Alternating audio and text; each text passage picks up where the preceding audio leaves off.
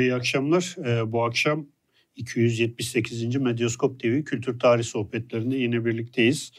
Bugün e, Kaan Ökten Hoca ile, hocam hoş geldiniz. Hoş Üçüncü kez e, birlikteyiz.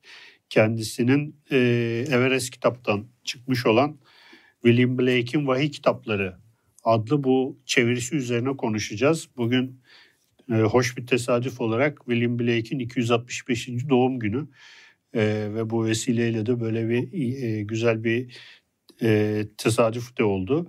Bu yayının size ulaşmasında bize destek olan e, babil.com'a da başlamadan bir teşekkür etmek istiyorum. Hocam öncelikle e, şimdi vahiy kitapları denildiği zaman e, sanki burada bir tek bir kitap varmış. Hı hı. Metin tek bir kitap üzerine e, gelişmiş gibi e, şey yapılıyor. Fakat aslında burada 8 tane kitap evet. var birbirinden birbiriyle ilişkili ama aslında biraz da e, bu ilişki hani tartışmalı bir ilişki. Hatta dokuzuncu bir kitap da e, buraya dahil ed, edilsin mi edilmesin mi diye bir şey var. Tartışma da var. Siz e, o daha önce e, sanıyorum çevrildiği için e, buna ihtiyaç duymamışsınız. E, bu e, 8 kitabı bağlamı yani birbirine bağlayan bağlam nedir? Neden bunlara genel olarak bir vahiy kitapları evet. ismi veriliyor? Biraz buralardan girelim. Daha sonra bu kitapların e, içeriğine doğru da Tabii. biraz girmiş oluruz. Harika. Çok teşekkür ediyorum Rica davet ederim. ettiğiniz için. Rica ederiz. Ee, severek geliyorum. Güzel programlar oluyor. Sizin programlarınız her zaman güzel oluyor. Müdavimiyim onları iz, izleyen olarak. Sağ olun hocam. Sağ olun. Teşekkür ederiz. Ee, önemli bir faaliyet e, yapıyorsunuz, katkıda bulunuyorsunuz Türkiye'de gerçekten kültürel anlamda. Hmm, William Blake 1757'de e, doğdu. Bugün doğdu. Evet. E, sonra 70 yıl yaşadı ve 1827'de öldü. Londra'nın neredeyse hiç dışına çıkmadığı, hep Londra'daydı. Ve çeşitli bu 70 yıllık ömrü içerisinde yetişkinlik dönemi dersek 50 yıllık üretim yaptığı dönemde çeşitli işler üretmişti. Onlardan bazıları özellikle belirli bir dönemde yani bu Fransız devrimine denk gelen dönem itibariyle işte 1789'dan başlatıyoruz mesela Taylor'in kitabını. Oradan 1795'e kadar olan dönemde çeşitli işler üretti bu ürettiği işler prophecy veya illuminated books diye geçiyor. Ee, onların sekizi burada var. Dokuzuncusu da aslında cennet ve cehennemin evliliği. 93'te ee, 1793'te tamamlanıyor orada. Hmm, aynı döneme denk geliyor. Ozan Alkan'ın da adını burada analım. Onun hı hı. çevirisi e, olduğu için e, ben usta işi o. E, dahil etmedim. E, e Selahattin Özpalabıyıkların da e, çevirisi var. Malum İş, e, İş Bankası yayınlarından o da çıkmıştı. İki ustayı da analım bu vesileyle. E,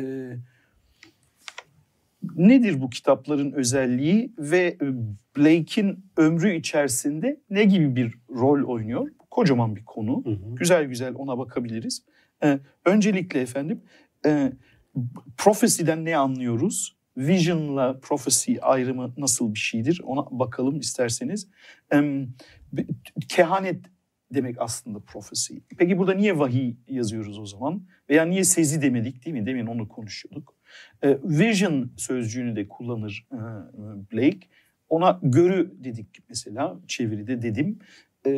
Görü, kehanet, sezi, vahiy bunlar ne gibi sözcükler ve bunları illumination, illuminated, renklendirilmiş demek o ama aynı zamanda aydınlatılmış da demek ki. Aydın, iç, bir iç aydınlanma, illüminasyon e, söz konusu. Bir nura kavuşma hatta e, söz konusu. E, ne yapmaktadır burada e, Blake ve bunlar ne, neden bir set oluşturmaktadır? Birbirinden farklı konuları ele alsa da birbirinden farklı e, sanatsal, e, şiirsel ifadeleri ele alsa da. Hmm, bu genel büyük büyük bir tartışma. Ona tartışırız şimdi. E, e, gör, gö, William Blake nasıl bir insan? William Blake e, çok yaratıcı bir insan. Ne, ne demek bu? Az yaratıcı ne demek? Çok yaratıcı nasıl olur? Şöyle bir şey. E, hayal dünyası, hayal gücü e, nasıl diyeyim alışık olduğumuz hayal gücü, insandaki alışık olduğumuz hayal gücünden kat kat yüksek. Dolayısıyla William Blake'in bazen vizyonları var. Yani William Blake bir şeyler görüyor. Ee, onlar aslında gözle görülür şeyler değil. Ee, çocukluğundan anlattığı bir hikaye vardır. Aa, ağaçta melekleri görür mesela. Melekler hareket eder. Ee, yine çocukluğunda e, e, bir takım peygamberler eski ahitten e, tanıdığımız iki peygamber kendisini gelir ziyaret eder, sohbet eder. Sonra babasından dayak yer bu yüzden. Yalan söyleme öyle şey olur mu diye. yani hani aslında yani bugün olsa da doktora götürürüz. Tabii tabii bugün olsa ilaç veririz ona, normalleştiririz evet. ve hani no, normal standart bir hayatı olurdu. Çok büyük bir dahiden e, şey olmuş olurduk. Mahrum kalmış, mahrum olurduk. kalmış olurduk. Şimdi bunu niye bu anekdotları anlattım? Şundan dolayı anlattım. Hayal gücü çok geniş. Hayal gücü çok geniş demek şu demek değil ama e, akıl sağlığı yerinde değildi demek anlamında Hı-hı. söylemiyorum. Hayal gücü yani imgelenim değil mi? Bu hayal gücünün ön plana çıktığı bir dönemin evladı aynı zamanda Blake. Dolayısıyla bu 18. yüzyılda yani 1700'lü yılların e, ortasından 1800 yılların ortasına kadar Avrupa'da bir sanat, kültür, e, edebiyat, siyaset e, akımı olarak romantisizmin öncüllerinden kendisi. Bu noktada vahiy diye çevirmek durumunda kaldım oradaki profesiyi. Çünkü bir tanrısal mesajı alıp onu e, e, aracı olarak başkalarına dağıtmak, tebliğ etmek bakımından bir profet, e, peygamber değil kendisi. Öyle bir dini mesajı tebliğ etme göreviyle e, en azından öyle bir zanla e, kendisini görmüyor. Buradaki prophecy e, o yüzden e, yahut vahiy, e, vahiy e, daha büyük bir hakikatin e, duyularımızın da ötesinde olan daha büyük bir hakikatin sanat yoluyla, yaratıcılık yoluyla açık hale getirilmesi. E, onun e, herkesce görülebilir kılınmasının bir vasıtası bu metinler. O yüzden öyle diyor diye yorumlamaktayım. Evet. Hocam burada şeyden de bahsetmek gerekiyor herhalde. Kitapların kendi burada tabii tıpkı basınlarında koymuşsunuz. Gravürlerle beraber. Evet. E, resmedil yani daha doğrusu gravürlerle beraber basılmış. Yani ve bu gravürlerde evet. e, William Blake'e ait. Evet. Bu re, res, daha doğrusu şöyle söyleyeyim. E, sözle imgeleme arasındaki hmm. imge arasındaki ilişki nasıl? Yani hmm. bu çok e, buradakiler şey gravürler nedir? Hmm. E, pardon gravürleri var. Ayrıca e, William Blake ressam da yani ressam bir da, evet e, Slovenya çalışmaları doğru, var. Doğru. Bunun arasındaki ilişki nasıl? Ben buna bir ek yapayım hocam. Ee, Usta olduğu için. Şimdi hayır ben evet, e, ressam olduğu için yayın öncesi nerede konuşmuştuk, nerede konuşmuştuk diye şey yaptığım şeyi hatırladım. Hatırladım. Ben bunu Orhan Pamuk'un günlüklerinde okudum. Hı. William Blake'ten çok bahsediyor çünkü kendisi de resim evet. yapıyor. Evet. Ve yani resimle metnin neden birbirinden ayrılmaması gerektiği üzerine. Yani keşke ben e, bir e, resimli roman yapabilseydim. Kendi resimlerimle birlikte diyen ve çok ilginç bir şekilde yaptı. Yani o e, günlüklerini resmetmesinde falan e, o aslında kopmaz bir bağ olduğuna dair de bir şey yapıyor. Oradan da şuraya getiriyor hocam. Onu da e, bağlamış olayım. Bizim e, tesipli kitaplara, evet. minyatürlere Bravo. ve yani onların o bütünselliğine doğru, falan getiriyor. Doğru. Bence çok doğru. bu e, oradan şimdi hatırladım. Doğru. E, William Blake'e de büyük bir ah. saygıyla şey yapıyor. Çok çok çok bu çok, çok aşırı ilginç bir konu. Aşırı Hı-hı. ilginç bir konu. Um, illuminated books olması yani işte illumine edilmiş, renklendirilmiş kitap diye şey yaptığımız şey aslında orta çağ, orta çağda e, yazma batıdaki yazma kitaplara yine yahut doğudaki yazma kitaplara işaret eden bir şey.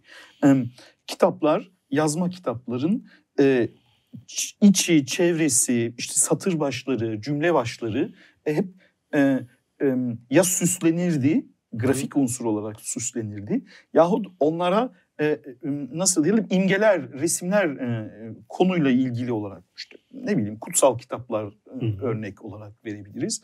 Orada bir takım resimler, resim demeyeyim şimdilik ama hani işte görseller vardı diye. Doodle diyorlar değil mi? Ufak çizimler. Çizimler var. Yani hani çok çeşit çeşit unsurlar var orada. Gerçekten öyle e, grafik çizimlerden tut Bayağı. muazzam e, işte altınla işlenmiş renkli renkli güzel şeyler. Yani bunlar illuminated books aslında. Hı. Bu ne demek? Resimlendirilmiş, renklendirilmiş kitap demek. Orta çağdaki kitap geleneğinden devralınmış. Siz de bahsettiniz. Bu sadece orada değil, burada da olan bir şey.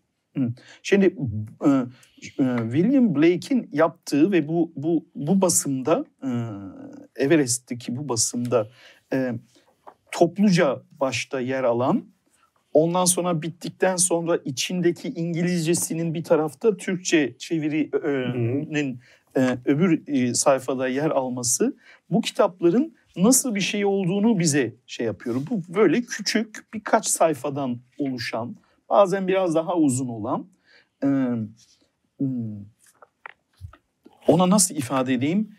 E, Risale gibi. Risale gibi. Minik çalışmalar bunlar. Özgün çalışmalar yok daha başka. Bunların içerisine bunların içerisine metni katması metne görselliği değil görselliğe metni dahil etmiş olmasından geliyor. Bu daha önce çok görmediğimiz belki de hiç görmediğimiz bir şey. Burada William Blake örneğin şu sayfada e, görebiliriz bunu. Sadece işte orta çağ geleneğindeki e, sayfa süsleme, sayfa teshibi meselesini e, bütünsel metin imge sanatı bakımından ele almakta. Şöyle göstereyim ben de bir yandan. Hı. Hocam. Evet. Evet. Böyle böyle işleri var. Şimdi bu bu bu ne anlama geliyor? Bir defa gravür ya da hak değil mi? Hani e, bu bu coğrafyadaki ismi olarak bunun iki K ile yazılan hak. Evet. Hak etmekten e, gravür e, bir e, süsleme sanatı aracı. Ee, uzun bir geleneği var. Belirli bir yüzey üzerine, sert bir yüzey üzerine keskin bir takım cihazlarla, aletlerle onların Hı-hı. isimleri var, bilmem neleri var. Kazıyarak, oyarak, evet. e, işte tümsek oluşturarak, tepecik oluşturarak veya belirli kimyasallar kullanarak değil mi? E, yüzeyin e, yüzeye nakşedilen, hak edilen, yüzeye hak edilen e, ni kağıda aktarma yöntemi. Bir tür matbaa gibi düşünelim onu. Tabii. Hatta bir ta çok eskilerden Mezopotamya'nın ilk medeniyetlerine bakarsak işte Sümer'de, Akat'ta, Kalde'de e, e, rulo mühürler vardır malum bilirsiniz Hı-hı. böyle. Böyle basar onun o kil üstüne onun izi çıkar. E, çok kere kullanılabilir o e, onlar da hak edilmiştir aslında oraya. Evet. Yahut e, mücevherat işiyle uğraşanlar onu yaparlar. E, işte oymacılık e, yapılır, e, örgüsünün e, işlerini yaparlar. Yani e, nasıl diyelim insanlığın uygarlaşma serüveni içerisinde e, ilk görülen e, sanat araçlarından tekniklerinden bir tanesi bu. Çok uzun bir geleneğe sahip gördüğümüz gibi. William Blake ne yapıyor peki burada? Sizin söylediğiniz şeye William Blake ve sizin söylediğiniz şeye görsel materyal ile sözel materyali yani kulağa hitap edecek olan ile göze hitap edecek olanı bir araya getiriyor. Bu bakımdan artık bu metinler canlı metinlere dönüşüyor. Yani burada bunu sesli bir şekilde okuduğumuzda hatta bunların çoğu şarkı aslında bunları terennüm ettiğinizde e, sadece bir küçük şiir veya ilahi gibi sadece kulağa değil evet. yahut bir resim olarak sadece göze değil ikisini bir araya getirecek. Yani bizim hayal gücümüzü, imgelenimizi e, e, e, bilişsel ve e, duyusal fonksiyonları bakımından zenginleştiriyor ve sağlamlaştırıyor. Bu bakımdan artık sanat burada, burada görsel veya işitsel bir sanatın ötesine gidiyor. Multimedyal bir sanata dönüşüyor adeta. Evet. Evet. Ve bunları yaptığı yıl 1700'lerin sonları, 1780'ler, 90'lar, 1800'lerin hemen başı. Yani günümüzden 200 küsür yıl öncesine ait bir e, teknik kullanmakta burada. Kendisinin geliştirdiği usuller var üstelik burada yani. Hocam burada bu gravür üzerine sen devam edecek misin abi yoksa ben? Ben bir e, internetten bir bir şeye aklım takıldı ona bakıyordum. E, şimdi bu e, sizin söylediklerinize ek yapmak istiyorum sadece hocam. Şöyle bir e, şey vardır İngiltere'de özellikle 18 19. yüzyılın ortasından itibaren İngiltere e, çok böyle sanayileşen bir ülke. Çok hızlı sanayileşen bir ülke ama buna tepki olarak geleneksel sanatları ayakta tutmaya çalışan bir akım var. Evet. Ve buna işte art and, art and craft Evet, denilen işte el sanatlarını yücelten vesaire işte bu Victoria dönemi sanatçılar arasında da baya böyle yani bir anda işte tekstil e, fabrikaları kuruluyor falan filan ama bir yandan da hala el makinelerinde işte yapılan işin ne kadar kıymetli olduğuna dair bir şey var. William Blake aslında yani İngiliz toplumunda yani bunu mesela bu cildini kendi yapıyor. Cildini, evet. Değil mi? Tabii. Baskıyı kendi yapıyor. İşte resmi kendi yapıyor. Her şeyi kendi yapıyor. Çok sınırlı sayıda Doğru. e, basıyor Doğru. ve e, bunları işte bırakıyor geriye. Hani döneminde de çok anlaşılmıyor. Hı hı. Anlaşılması için de Doğru. aslında o sanayi devriminin Doğru. e, yaşanıyor ve işte Arsen Craft dediğimiz Doğru. e, hikayenin ortaya çıkması gerekiyor. Ya burada aslında bir peygamber gibi bir yanı da var Doğru. aslında gerçekten adamın Evet, yani. Hani e, bir öngörü ile bunları belki yapmış Doğru. e, ve 50 sene sonra işte Doğru. yaşadığı dönemdeki o anlaşılmazlığını biraz e, evet. anlatabilir misiniz hocam? Evet. Ve sonradan nasıl fark edilmiş Tabii tabii. Blake? Em, Şimdi e, çok geniş bir konu yine. Hı hı. E, Gravür şöyle Sen bir şey. şey yaparsın. Tamam, et. bakma yani. Şey- Yok yok ben zaten bilerek sordum. Yani gravürle ilgili devam et diye. Şimdi, şimdi şöyle bir şey. Gravür örneği şurada bir tane gravür örneği getirdim ben. Evet. E, ben Mimar Sinan Güzel Sanatlar Üniversitesi'yim malum. Bir de hocam burada şöyle söylemek lazım. Burada iki tane Mimar Sinanlı var. Evet. evet. Cengiz de Mimar Sinan'da. Onun da eğitimini aldım ayrıca. Buyurun hocam. Dolayısıyla estağfurullah efendim. Em, Şimdi bir tane örnek getirdim. Bugün daha getirdim. Üniversitemizin e, gravür atölyesinden bu. Em, Burada bir örnek var mesela. Bir öğrencimizin bir işi bu. Em, Hocam biraz yukarı kaldırabilirsiniz. Ha. bir, Evet. bir, bir öğrencimizin işi. E, m, gördüğünüz gibi gördüğümüz gibi e, bir gravür tekniği kullanmış burada. Evet.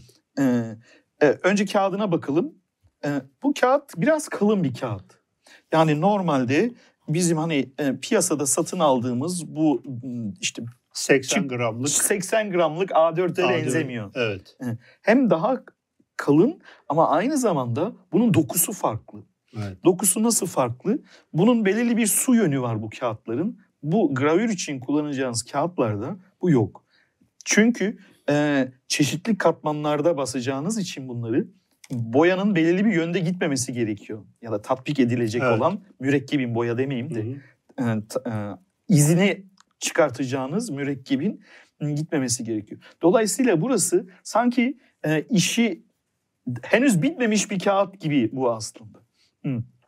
Sonra hocalarımız Yasemin hocama ve Can hocama e, atölyeyi yürüten hocalarıma selam olsun burada. Hocalarımız bugün bana ayrıca da gösterdi sağ olsunlar öğrencileriyle birlikte. Bu ıs, nemlendiriliyor bu kağıt. Hı hı. Ve o yapmış. metal metal yüzeye işte kazımayla olabilir, e, e, asitle olabilir. Ondan sonra yahut da reçineyi ayrıca sıcakla ısıyla tatbik ederek olur. Bu mesela öyle bir usulle yapılmış bir çalışma. Bunu buraya şey yapıyor. O plakayı tıpkı o rulo mühürler gibi düşünelim değil mi? Onu kocaman bir presin içinden çıkartıp geçiriyor ve bu buraya Mürekkebi veriyor. mü- mürekkebini alıyor evet. Hı hı. Yani basmıyor o ona, o mürekkebin almasını sağlıyor. Bu usulü çeşitli aşamalarda yapabilirsiniz. Farklı farklı teknikler kullanaraktan farklı farklı ya renkler kullanabilirsiniz yahut desenler kullanabilirsiniz buna. Burası yani Blake'in yaptığı bu iş nasıl böyle e, elinde daha sonra bunu mürekkeple şeyle ne, boya ve fırçayla yaptığı şeyler de var üstünü renklendirdiği. Ama basım tekniği diyeyim ben şimdi ona ya da grav hak etme tekniği olarak kullandığı usuller de var. Hı. Yani sanki renk bu siyah beyaz burada yani gri tonları var burada. Hı. Ama bunu öğrenci öyle dedi bana. Dedi ki e, öyle bir renk kullanırdım ki bunun üstüne bir basaraktan hani açıktan koyuya doğru siz daha iyi bildiniz. Hı hı. Sizle de konuşmuştuk onu. Sanki e, fırçayla bunları tatbik etmişçesine e, öyle bir zan oluşurdu. Hı. Halbuki gravür, Gravür. Evet. Muazzam. Mürekkep. mürekkep. Renkli Mürekkep. Mürekkebin yağı önemli, kendisi önemli, aktarımı önemli. Dedi ki 8 çeşit siyah kullanıyoruz biz dedi mesela hoca, hı. Can Hoca. Dedim nasıl 8 çeşit oluyor? Usulüne göre farklı farklı şeyler var. Şimdi bu gerçekten bir zanaat. Evet. Yani burada burada kağıdının usulünü, mat, matbaa presinin usulünü, e, el aletleriyle bir takım iş yapmayı yani bir hem buradaki sanatçı, buradaki sanatçı hem bir zanaat uyguluyor, bir craft uyguluyor hem de bir art uyguluyor. Yani bunları bir araya getirip e, bir araya gelmesi suretiyle daha zengin ve kapsamlı bir e, yaratı ortaya çıkartıyor. Bu bakımdan sahiden de sahiden de sanayileşme öncesi e, el işinin ürünlerine benziyor. Evet. Şimdi romantisizm zaten böyle bir şey. Yani Avrupa kültür tarihinin önemli bir siyasal, sanatsal, edebi bir akımı olan Blake'in de bunun ön aşamasında yer alan yol açıcıları, ön e, yolunu açanlar olarak romantisizmin e, özünde klasiklere gidelim ama Yunan klasikleri değil bunlar. Hmm, Orta çağın oturup böyle hani kollarını sıvayıp işini yapan sanatçılar gibi, duygularını o şekilde dışa vuranlar gibi. O yüzden de siyasi olarak örneğin ulusalcılığa, milliyetçiliğe e, gidecek olan bir akım da söz konusu olacak orada. Hmm, hmm, Modern sanayi devriminin, o döneminden bahsediyorum. Modern sanayi devriminin ve matematikselleşmiş fizik biliminin hmm, insanı dünyadan, elden, ayaktan söküp attığı, sadece bir hesap edilebilirlik dünyasına indirgediği hmm, bölünmüşlüğünden, doğadan kopuşundan tepki olarak böyle şeylerle karşılaşıyoruz artık burada. Çok doğru söylediğiniz bir şey. Yani bu gravür mekanik bir sanat olduğu halde aslında son derece yaratıcı ve e, matbaanın o çok sayıda bir sürü bir sürü bir sürü binlerce on binlerce aynı şeyi reprodüksiyonunu yaptığının dışında özgün olabilecek hatta Blake'in bu çalışmalarının çeşitli dünya kütüphanelerinde örnekleri var. Sadece bir tane o. Evet. İşte Tate, Tate Gallery'de mesela bir tanesi var o şey yapmış. İşte British Library'de başka bir aynı kitabın farklı e, renklendirilmiş versiyonu var. Yani ünik eserler söz konusu burada. Evet. Bu muazzam değil mi? Çok olağanüstü bir şey bu. Risale'nin kendisi bile aslında bir sanat eseri yani. Evet. Aynen öyle. Yani hem Ünik, içindeki hem ünik. görseli hem de kendisi iş olarak kendisi Evet. ünik. Hocam bu- Biricik. burada biraz önce bir şeyden de bahsettiniz. Bu romantizm işte e, yani daha doğrusu Fransız ihtilali var. Diğer tarafta Amerika'da da yine bir devrim var. Hı hı. Ve ilk kitabı da Vahiy kitabı da şeyle başlıyor. Amerika. Hı hı. Ve şimdi şeylere sayfalarına baktığımız zaman şöyle diyor. Savaşçı erkeklerin ketum gecelerde yükselen ruhlarını delip geçen Washington, Franklin, Payne, ile Warren, Gates, Hancock ile Green. Burada bayağı böyle bir politik bir şey de var. Hani biz şey diyoruz ama Çok e, da- gö- yani gö- görü, ondan sonra profesi falan diyoruz ama diğer tarafta da gayet de yani politik buradaki bu çünkü bu isimler Washington dediği Tabii tabii buna komutanlar oradakiler. George Washington, Tabii, Franklin Tabii tabii. Ben de yani öyle Amerika'nın Aynen kurucu babaları bunlar Aynen aslında. Aynen. Böyle de politik bir şey de var yani aslında hani Avrupa'ya çok bayağı eleştirel mi- yaklaşan mistik diyoruz da böyle hani şey bir mistik değil yani iç- içine kapanık bir mistiklik değil. Değil. Tam de- tersine siyasetle falan da bayağı il- ilişkili bir Evet. durum var. Nasıl nasıl Doğru. değerlendiriyoruz? Gün- gün- güncel güncel konular, güncel konular üzerine güncel olmayan görüşleri var. evet güzel özetlediniz. güncel konular hani e, e, Nietzsche'deki gibi hani zamana uygun olmayan görüşler.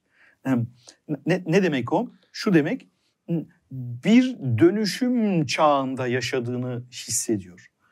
Nasıl bir dönüşüm çağı bu? Amerikan devrimi, akabinde Fransız devrimi ve İngiltere'de bilhassa da Londra'da ekonomik ve sosyal dönüşüm yaşanıyor o dönemde. Devrim olmuyor ama ekonomik ve sosyal dönüşüm. Neyin ekonomik ve sosyal dönüşümü, neyin siyasal devrimini görüyoruz ve onu nasıl izliyorlar? O dönemin e, şairleri, yazarları, düşünürleri yani felsefecilerden e, ekonomi düşünürlerine kadar, e, din düşünürlerinden e, ne bileyim ben ahlak düşünürlerine kadar herkes o dönemde yaşadıkları, başlarına gelen bu olaylarla veya bizzat içinde yer aldıkları bu olaylarla hakkında yazıp çiziyorlar elbette. Yazıp çizmeleri iyi bir şey ama Blake'in yazıp çizdikleri o e, ana akıma, mainstream'e uymayan şeyler söylüyor. Bu bakımdan da siz demin sormuştunuz onu. Çok popüler olamıyor bunun yazıp çizdiği Hı hı. şeyler. Çünkü bir sergiye katılıyor mesela daha gençken. Sergiler sergide hmm, yaptığı iş anlaşılmıyor. Çünkü çok fazla yaratıcı bir iş. evet. Daha e, siyasi mesajı hemen okuruna veya dinleyicisine aktaracak olan başka araçlar daha önde. Örneğin tiyatro, örneğin müzik, örneğin şiir, örneğin konuşmalar. Yani e, siyasetçilerin yaptığı konuşmalar, e, nutuklar sanatçılar tarafından, edebiyatçılar tarafından kaleme alınıyor. Hani bizde de örneği var. E, Evet. Ondan sonra e, e, alınıyor. Bu bakımdan Blake burada güncel, aktüel siyasi hadiselere e, kulaklarını ve gözlerini kapatmıyor. Ama getirdiği yorum bir yeni çağın, bir yeni Kudüs'ün onun tabiriyle e, New Jerusalem çok kocaman bir şeydir o, e, şiirdir. E, muazzam e, bir şiirdir. Hmm, Destan adeta. Bir de Dört Zoa diye bir ayrıca bir destanımsı büyüklükte, uzunlukta eseri vardır. E, Burada bize, burada bize artık farklı bir kurtuluşun peşindedir efendim. Ne tür bir selamettir bu? E, siyasi ve ekonomik bir selamet değil veya rasyonel ve e, matematiksel bir selamet değil. Nasıl bir şey? İnsanın yaratıcı gücünün, imajinasyonunun yüzde yüz olarak gerçekleştirilmesi için ne gerekir? Yani bu imkanımız var bizim olanağımız. Bu yaratım olanağını nasıl herhangi bir matematiksel, fiziksel, e, aydınlanmacı, dinsel, kurumsal, siyasi, ekonomik hudutların, sınırlamaların içinde kalmadan, onları parçalayarak, onları yok ederek hatta yani önemini yok ederek nasıl açarız biz bu olanakları onun peşinde. Şiiri ve sanatı bu yönde. Evet. Çok heyecan verici. Evet. Bu kitabın hocam e, çok önemli asıl meseleleri tartışıyor. İşte mesela kendince bir e, nasıl söyleyeyim sözlük oluşturuyor. Yani bir dünya yaratıyor işte vesaire.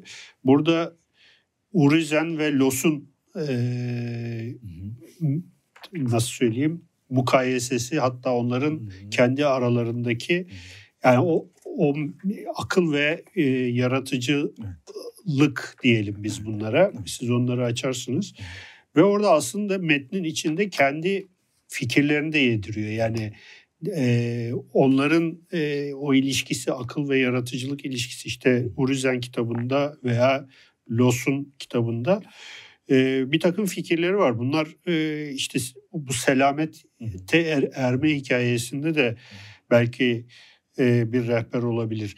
Bu e, bu iki kitap özellikle Uruzen'in e, birinci kitabı ve Los'un kitabı üzerinden düşünürsek e, böyle bir e, misyonla yazılmış bir metindir diyebilir miyiz? Veya biraz hani bunları e, da e, şey yapabilir miyiz? Anlıyorum. Açabilir miyiz? Tabii tabii. E, e, misyonla yazılmış metin diyebiliriz galiba. Ben çok Hı hı. baştan söyleyeyim cevabımı. Deriz. Şimdi e, şeyin e, William Blake'in özellikle bu işte 8-9 yıllık 10 yıllık dönemde ürettiği e, işlerin e, vahiy kitapları diye genel olarak sonra e, hem kendisinin hem de Blake uzmanlarının daha sonra ifade ettiği üzere vahiy kitaplarının e, e, özelliği şu bir Blake'e özgü bir e, mitoloji var orada bir bir hayal dünyası yaratılmış orada kendi hikayeleri kendi karakterleri kendi e, kahramanları özgün özgün isimler. Bazıları hani Urizen İngilizce söylenimiyle şey e, e, vurgusuyla yapar. You reason o Hmm. aslında. You reason. S- Senin aklın anlamında. Urizen diye yazıyor ama onu. E, bazen hani öyle ses benzetimiyle ürettiği karakterler var. Ve bunların ko- koskocaman bir aslında her yeni çalışmasıyla genişleyen ve büyüyen bir e, imajinatif dünyanın yaratıcısı e, William Blake. Bu bakımdan e, dönemin yazarları ve şairleri daha ziyade tarihsel örneklerden gidip eserlerini üretiyorlardı. Halk kahramanlarını e, yahut folklorik bir takım kahramanları e, veya trajik e, figürleri konu ediyorlardı. Burada artık e, Blake'de tümülen kendi başına olan bir dünyanın yaratıcısı, Yüzüklerin Efendisi Hı hı. gibi diyeceğim. De, Evet.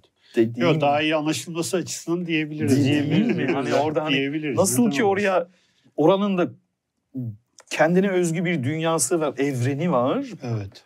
O evreni biz burada görüyoruz aslında. Ve her adım attıkça genişliyor ve derinleşiyor.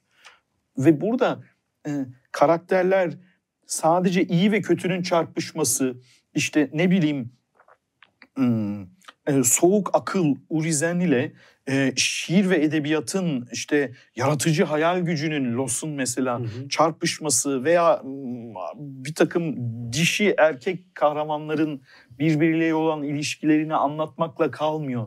Yani orada e, klasik e, trajedilerin veya destanların e, şeyinden ilerlemiyor o.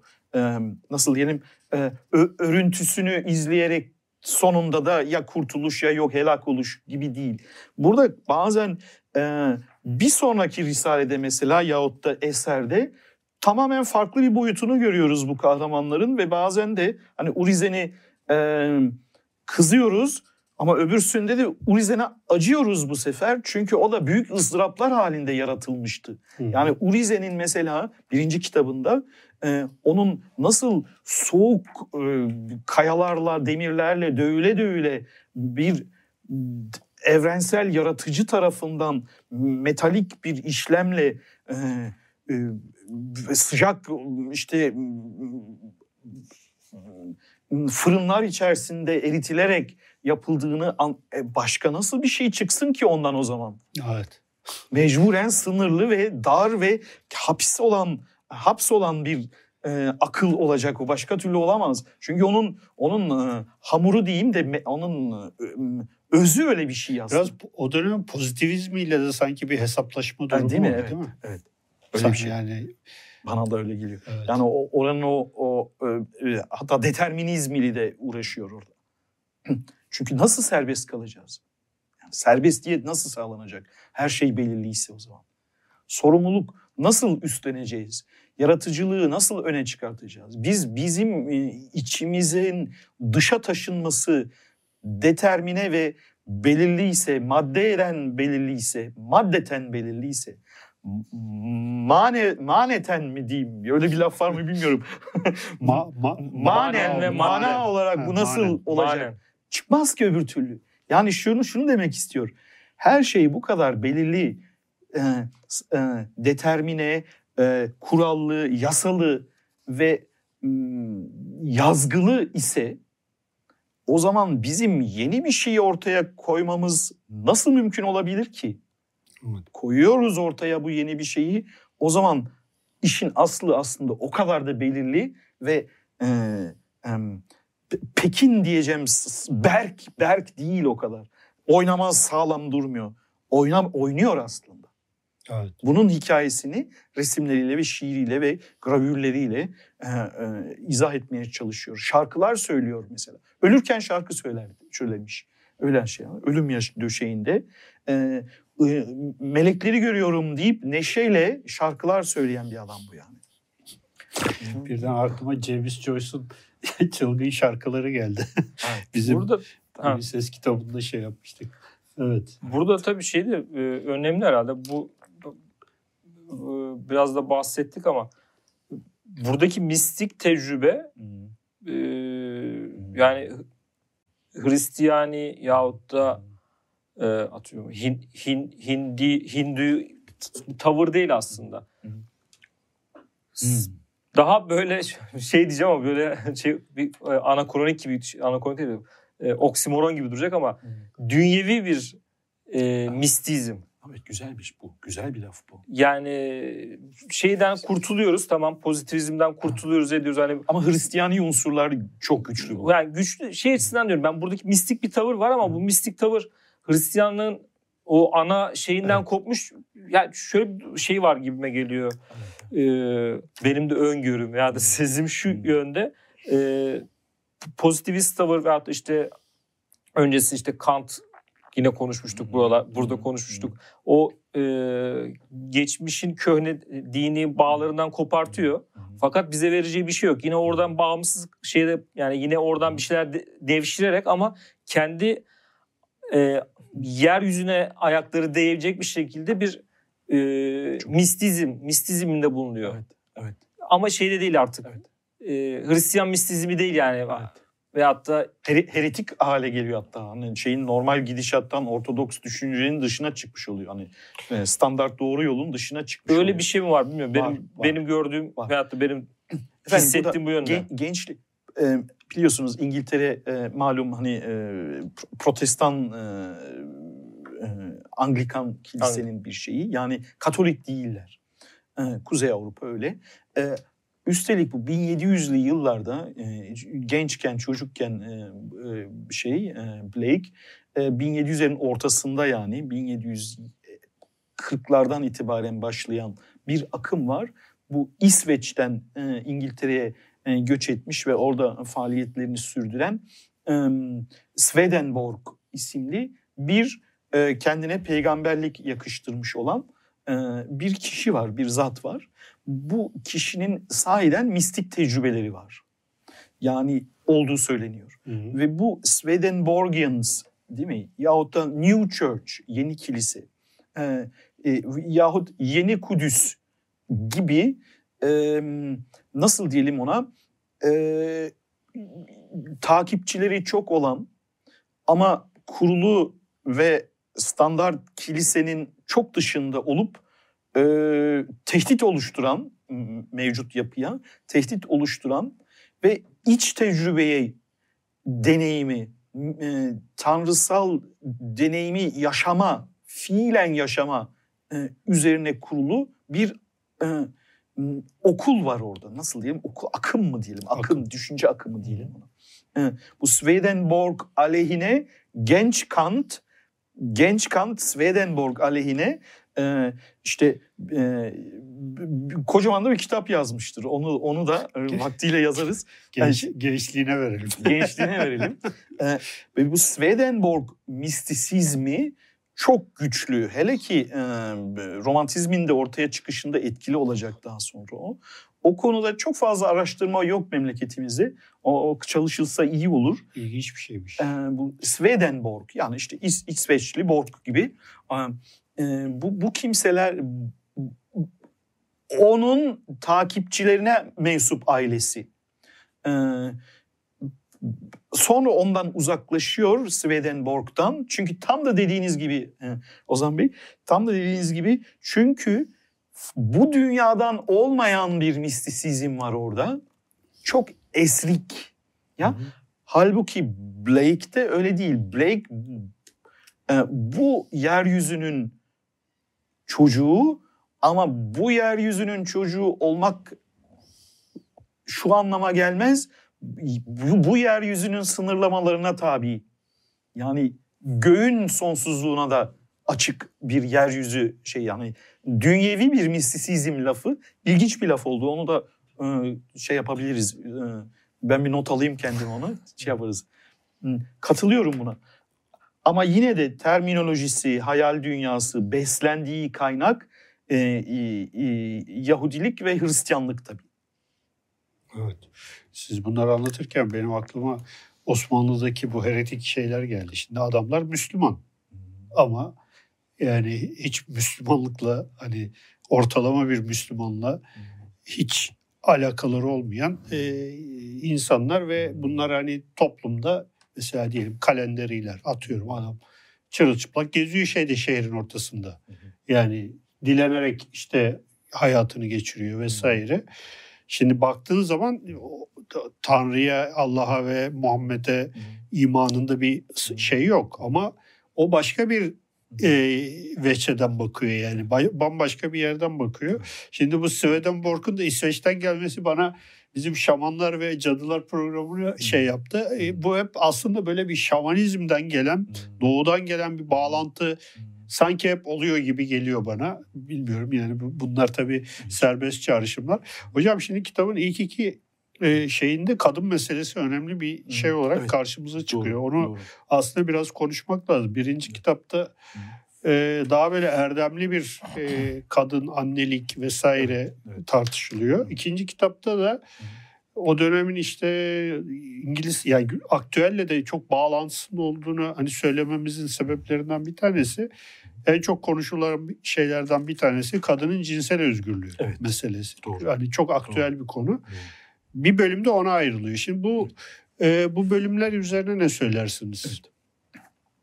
Hani bu 18. yüzyıl ortası e, ortalarından itibaren ki e, yıllar e, işte günümüze kadar gelen süreçte süreçte kadın figürünün yani toplum içerisinde kadının kadınlığı yani anneliği değil yahut ev kadınlığı değil kadın olmaklığı meselesinde bunun üzerine e, yazıp çizen, e, siyasal olarak aktivizmini bunun yapan çok sayıda kimse var. E, e, hızlıca da gelişiyor işte şeyi. E, bu konular e, hani feminizm demek istemiyorum bu noktada da. Feminizm hı hı. daha ileri bir veçesyon aşaması onun. Ama işte hani e, seçime katılabilme, e, seçmenlik hakkının elde edilmesi, toplum içinde serbestçe iş yapabilmesi, yani ticaret yapabilmesi falan gibi hani daha masum görünen hı hı. ama e, esas itibariyle uzun bir dönemin geleneksel e, kadın imajını sarsan e, görüşlerin e, dile getirildiği bir dönemden bahsediyoruz. Blake'te de bu özellikle şeyin e, Tel'in kitabında mesela e, genç kızın yani bu da e, kız hani genç yaşı genç olan hı hı. kızdan bahsediyorum. Genç kızın yetişkin kadınlığa geçişini bir takım alışıldık sembolizmalarla anlatıyor orada mesela. işte çiçekle anlatıyor, yaprak dökümüyle anlatıyor. İşte böcekle, kurtla anlatıyor. Yani orada hani anlıyoruz ki burada e, cinselliği e, dolaylı bir şekilde Hı hı. ifade ediyor. Bu cinselliği, kadın cinselliğinin doğrudan ifade edileceği zaman daha daha sonraları, çok sonraları olacak. 20. yüzyıla Hı hı. sarkacak. Ha, ama burada dolaylı bir anlatımla aslında bu masumiyet şarkıları, masumiyet çağı falan başka tür işte diğer ustaların e, ustalarımızın yaptığı çevirileri e, burada analım. Onların or, oradaki e, şeyi yani çocukluktan yetişkinliğe geçiş olarak almıyoruz sadece onu orada. Burada kendinin bedenselliğini de keşfetmeyi görüyoruz orada. İyi veya kötü. Yani bir, bir şiirde mesela bu daha masumane bir korkuyor ve kaçıyor mesela. Başka bir e, anlatımda e, bir takım e, serbestlikler yaşayan kadınlarla karşılaşıyoruz. Ve orada hani o yüzden e, bir takım çekişmeler ve çarpışmaların da olduğunu görmekteyiz. Siz masumiyet çağı ve deneyim çağı demişsiniz. evet, Bu iki Evet. şeye. evet, Evet. evet. Evet. O, o şeyde. Yani bu ama şeydeki gibi değil. Mesela Homeros'taki gibi e, bir kadın imgesi üzerinden gitmiyor. Hı. Orada o imge çok daha sert ve kesin kalıpları var. Yani işte çok yani bu işin en başına gittiğimizde. Burada artık o çizgiler e, ve hat, sınırlar dağılmaya başlıyor ve yargılar, değer yargıları da dağılmaya başlıyor. Bilerek onu yaptığını düşünmekteyim ben burada. Evet. Ee, Emansipasyon değil yani sadece işte topluma katılalım, siyasi, ekonomik özgürlüğümüzü alalım. O değil sadece. Beden de önemli. Blake için beden zaten cinsellik anlamında da e, sadece hani cinsellik olarak demeyelim ama bedenselliğin farkında. Hani biz günümüzde felsefede işte 20. 21. yüzyılın bedenselleşme hani yeni bir şeymiş gibi anlatıyoruz ama bu, bu dönemde biliyorlar onu ve yazıyorlar onu. Hani Nietzsche'ye kadar getirebiliriz buradaki geleneği. Evet. Ee, bu bedenselleşmişlik ve bunun bir kendi varoluşumuzdan ayrılmayacak bir, e, kopamayacak bir bütün oluşturması, ben olması onun da, o olmaması hatta. Hani o diye bir şey değil üstelik o. Ee, Hı hı. bunları yazıp çiziyorlar efendim. Evet. Bir de tabii hocam burada etkiledikleri kişiler arasında şeyler de var. Onu da ayrıca bahsetmek gerekiyor herhalde. Rafaelistler var. Onlar mesela Rosettiler var. Rosettiler de hem şair hem ressam. Evet. Ee, onlar da Çok doğru.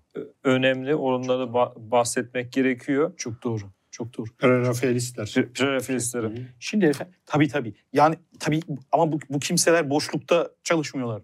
Bir, bir dönemin ürünü var. Ama beni hayrete ve hayrete düşüren ve hani heyecanlandıran konu e, köşesine çekilmiş gibi duran bir kişinin bile bu kadar e, derin etkileri olacak bir yaratıcılığı sergilemesi. Bu Blake'de bana muazzam bir e, nasıl diyelim rol model olarak karşımıza çıkıyor buna. Evet.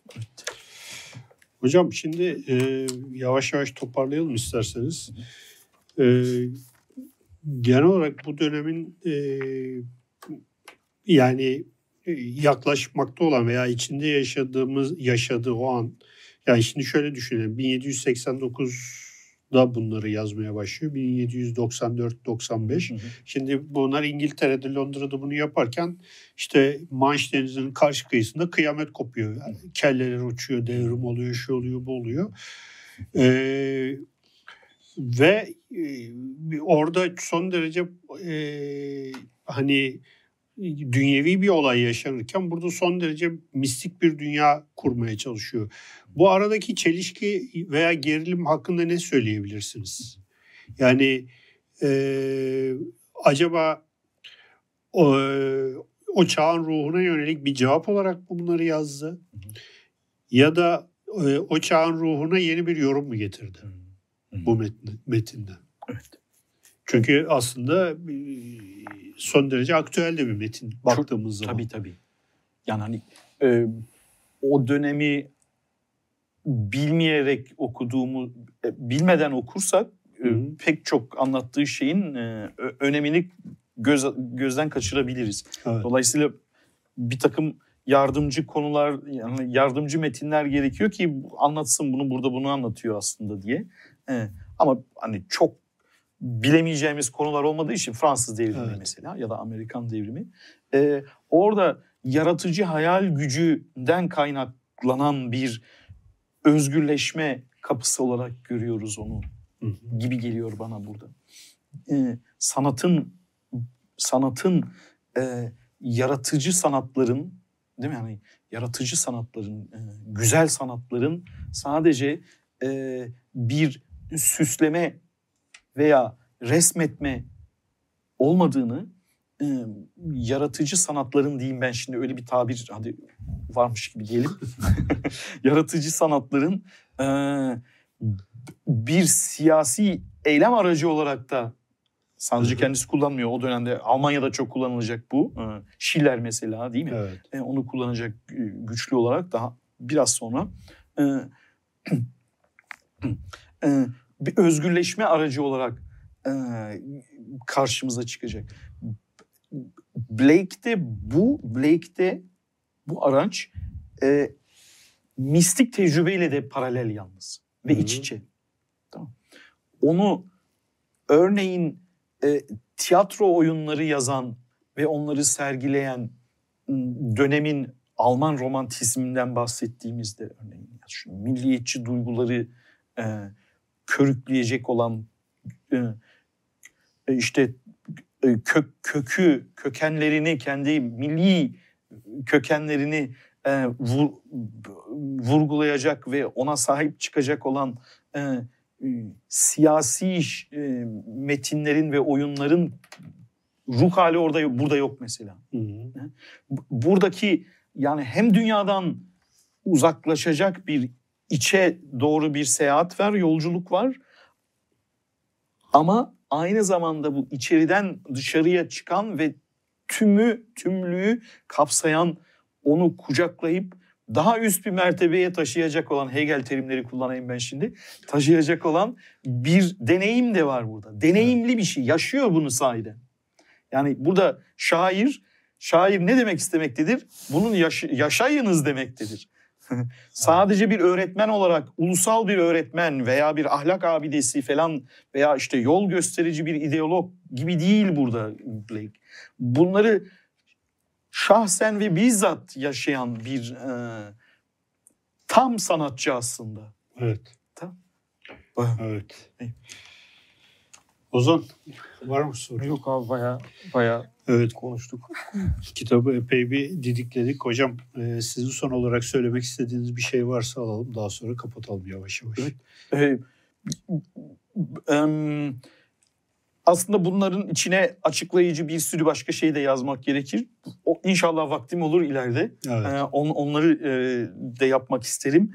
Bu dünyayı, Blake dünyasını e, tecrübe etmek gerçekten e, heyecan verici ve ufuk açıcı da aynı zamanda. Evet. Onu da söylemek istedim. Evet. Yani, sağ olun. Ee, Valla ben kitabı son dönemlerde basılmış çok yani teknik olarak da çok güzel bir kitap. Sayfa düzeni. Bu arada gelen Gül Evet. Erkara'ya da hani bitirmeden e, buradan bir tebrik edelim. E, çok güzel. E, hem İngilizce hem e, Türkçe metinler mukayeseli olarak karşılıklı sayfalarda basılmış. Ayrıca e, gerçeğe bayağı yakın bir e, renk ayrımıyla e, orijinal e, renkli hali e, de basılmış. Bu açıdan bir de sert kapak vesaire iyi, iyi bir cilt. Evladiyelik. Ee, evladiyelik diyelim. Teşekkür ederim. Ee, yayın bittikten sonra im- imzayı da alalım. seve seve seve seve. Hocam çok teşekkür ediyoruz teşekkür yayınımıza katıldığınız için. Ee, bugün 278. yayınımızın konuğu Profesör Doktor Kaan Ökten'le beraberdik. Kendisinin William Blake'in Vahiy kitapları e, çevirisi üzerine konuştuk. Bugün de William Blake'in doğum günüydü. Böyle bir güzel tesadüf e, olmuş oldu. E, yayınımıza destek olan babil.com'a da baş, e, kapatmadan tekrardan bir teşekkür edelim. Ayrıca e, Patreon destekçilerimize de bir teşekkür edelim ve iyi akşamlar dileyelim.